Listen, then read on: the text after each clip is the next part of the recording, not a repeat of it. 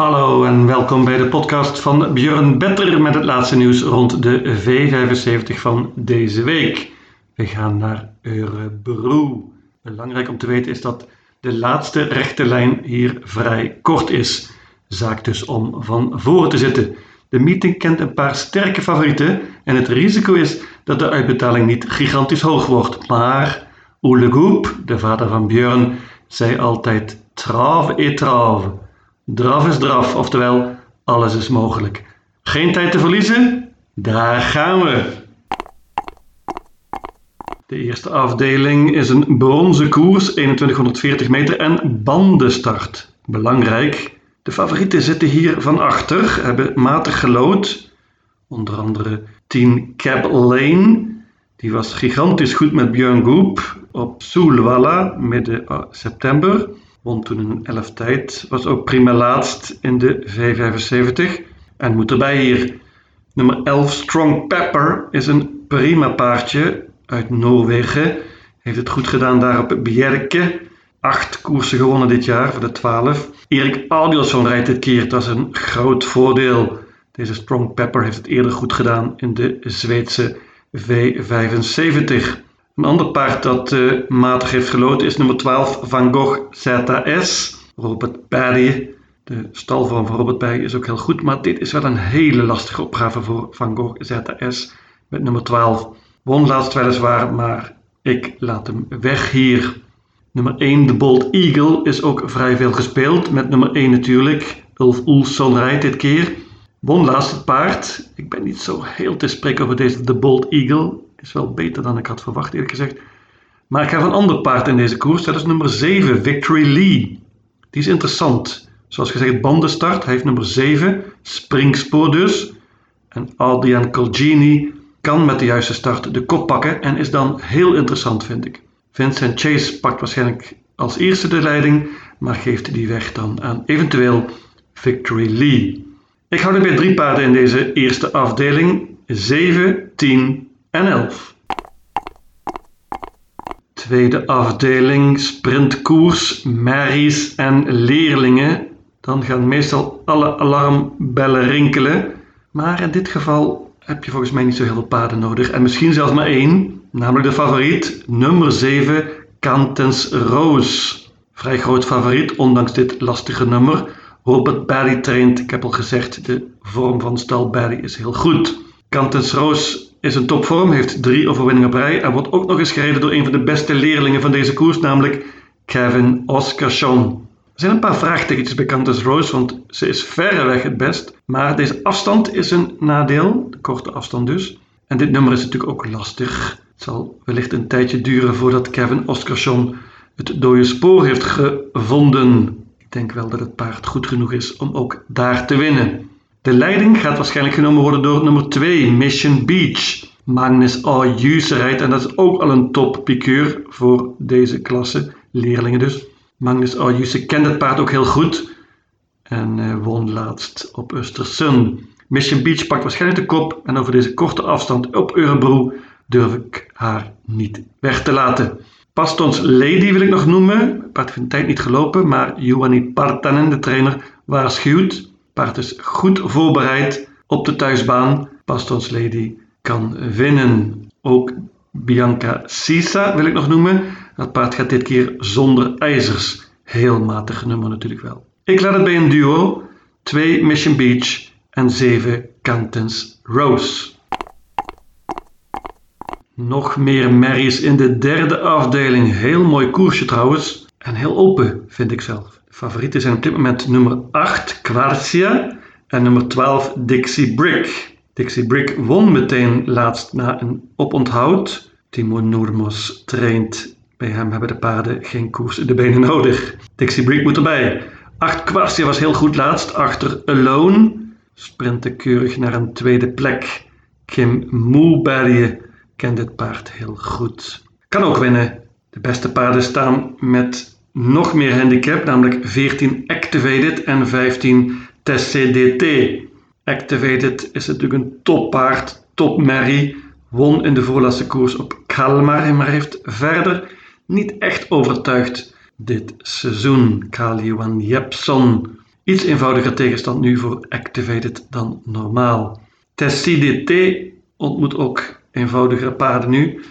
Tessie is een toppertje. Magnus Ayuse, Jerry Riordan. Tessie is vooral heel snel en hoopt wellicht de rug te krijgen van Activated. Ik heb twee leuke outsiders ook in deze koers. Nummer 7, Aper SM. Björn Goep traint, Ulf Oelson rijdt. Deze Aper SM heeft het springspoor, kan de kop pakken wellicht. En, heel interessant, is dat het paard dit keer zonder ijzers gaat. Aper SM heeft dus goed gelood in tegenstelling tot de laatste drie koersen. Ik waarschuw voor het paard van Björn Goep. En tenslotte nog nummer 10, Beluga West. Die is opvallend weinig gespeeld. Die was laatst tweede en deed het prima achter ene Wild Love. Wild Love was gigantisch afgelopen woensdag en is een topvorm. Deze Beluga West deed het prima na een lang oponthoud, lange pauze. Beluga West kan nog beter zijn nu is mijn waarschuwing van deze meeting. Nummer 10, Beluga West. Open merkkoers dus in de derde afdeling. Ik pak maar liefst zes paarden. Koers voor de laagste klasse in de vierde afdeling. Sprintkoers 1609 meter. Vrij open, maar met mijn kwartet kom je volgens mij een heel eind. Favoriet is terecht nummer 6, Prime Lini. Die liep laatst ook al in deze klasse in de V75 en werd een keurig tweede. Pakte toen de kop. Kan goed vertrekken. Urjan Schielström rijdt dit keer. Als hij de leiding neemt, heeft hij een prima kans. Maar nummer 5, Alesso, is ook heel snel. Dat paard uh, is soms, of zeg maar vaak, te heet. Knalt dan meteen naar de leiding en loopt dan in een zeer hoog tempo. Alesso gaat zonder ijzers dit keer, dat is een groot voordeel. Erik Audielson rijdt net als in de voorlaatste keer en toen wonnen ze op Solvala. Ook hier heb ik twee leuke outsiders. Vooral nummer 4, Cash Cowboy, weinig gespeeld. Cash Cowboy heeft heel matig gelood op het eind, maar eindelijk nu een goed nummer. Kan ook goed vertrekken en wellicht kan Cash Cowboy de rug krijgen van Alesso. Dat zou perfect zijn. Rickert en Skooglen weet wat op te doen staat. Nummer 9, Valnes Easy Door, staat er mooi in qua geld won in de voorlaatste koers met Jorma Contio. En deze Jorma Contio rijdt opnieuw dit keer. Ik noem nog nummer 10 CMT Queen B. Die gaat namelijk dit keer zonder ijzers en met een bike. Pas op. En ook 11 Opulent Tile is vrij veel gespeeld. Paard van Peter Untersteiner is volgens mij het best van kop af. Het wordt nu lastig met dit nummer op de korte afstand op Eurebro. Ik houd het bij mijn kwartet 4, 5, 6 en 9. Zilveren divisie in de vijfde afdeling. Opnieuw een sprintkoersje, 1609 meter. En dat is op het lijf geschreven natuurlijk van nummer 4, Chapuis. Paard van Oke Bloem houdt heel veel van de korte afstand en heeft opnieuw goed gelood. Super snel van start en kan bijna de kop niet missen, ondanks een paar snelle tegenstanders. 4 Chapuis pakt de kop en dan zal die normaal gesproken niet makkelijk te verslaan zijn. Maar hier is geen normaal gesproken. Hier staat een paard in dat helemaal niet in de zilverdivisie thuis hoort, namelijk nummer 10, Seismic Wave. De favoriet, 54% op dit moment. Seismic Wave is een gouden paard eigenlijk nu al, maar hij mag nog steeds in de zilverdivisie lopen. En de loting heeft het in ieder geval een beetje spannend gemaakt. Seismic Wave heeft nummer 10. Jan Schielström zal zo snel mogelijk proberen het dode spoor te pakken. Lukt hem dat, dan verslaat hij Chapuis ook in die positie, denk ik. Seismic Wave moet er natuurlijk bij. Met dit duo kom je een heel, heel eind. Ik noem nog twee paarden, namelijk nummer 1 Marcelleria. Heb ik eerder wel eens voor gewaarschuwd. Robert Barry, nummer 1. Robert Barry was niet heel optimistisch over Marcelleria, heb ik in een interview gehoord. Nummer 7 ADS Ho. Die heeft het heel goed gedaan dit seizoen in de V75. Heeft lastig gelood, kan goed vertrekken en kan wellicht toch een mooi koersje krijgen. Maar ik pak een duo dus 4 Chapuis en 10 Seismic Wave. Steerkoers in de zesde afdeling, 3100 meter auto. Groot, groot, groot favoriet is nummer 6 Westerboe Pokerface. Meer dan 70% op dit moment. Dat is gigantisch. Dat is wel een beetje verrassend ook. Maar als je de koers een beetje beter bekijkt, dan begrijp je toch dat Westerboe Pokerface groot favoriet is. Hij was prima laatst in de V75 op Golefteo, won toen in het dode spoor, is heel sterk, heeft redelijk goed gelood en er is een grote kans dat hij hier na een tijdje de kop mag overnemen van bijvoorbeeld nummer 2 Golden Guard. Die is snel van start. Westerboek Pokerface, als hij op tijd de kop pakt, dan zal die heel lastig te verslaan zijn. En dit kan absoluut een banker zijn. Maar zoals gezegd, 73% op dit moment is wel heel erg veel. En ik ben op zoek gegaan naar een paar uitdagers. Ik heb er twee gevonden. Nummer 1 Frozen Queen. Erik Adielson rijdt dit keer, interessant. Frozen Queen was heel goed laatst op Soelwalla, werd toen keurig tweede. Is sterk en uh, kan winnen. Maar dit nummer is iets wat lastig. Waar gaat Frozen Queen hier belanden? Nummer 12, Algot Sonnet, neem ik ook mee. Het paard is totaal vergeten op dit moment. 3%.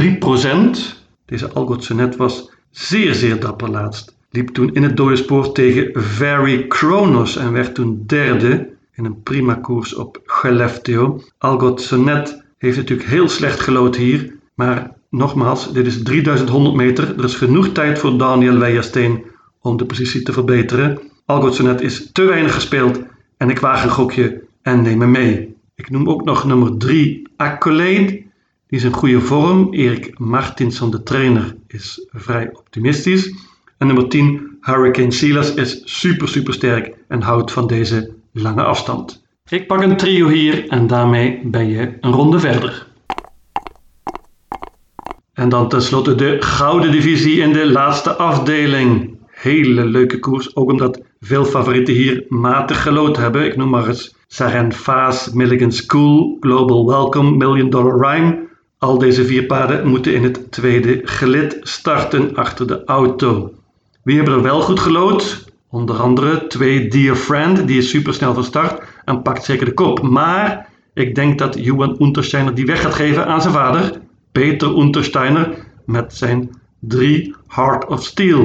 Dat is ook de lichte favoriet. Deze Heart of Steel, ik vind het terecht. Heart of Steel won eerder dit jaar Copenhagen Cup in het dode spoor notabene. Is daarna een tijdje weg geweest, maar is nu weer in goede vorm. Won onder andere een 9 tijd op Tingsrud midden augustus. Heart of Steel kan de kop pakken hier na een tijdje en zal dan niet makkelijk te verslaan zijn. Ik ga all in op het paard van Peter Untersteiner en bank 3 Heart of Steel.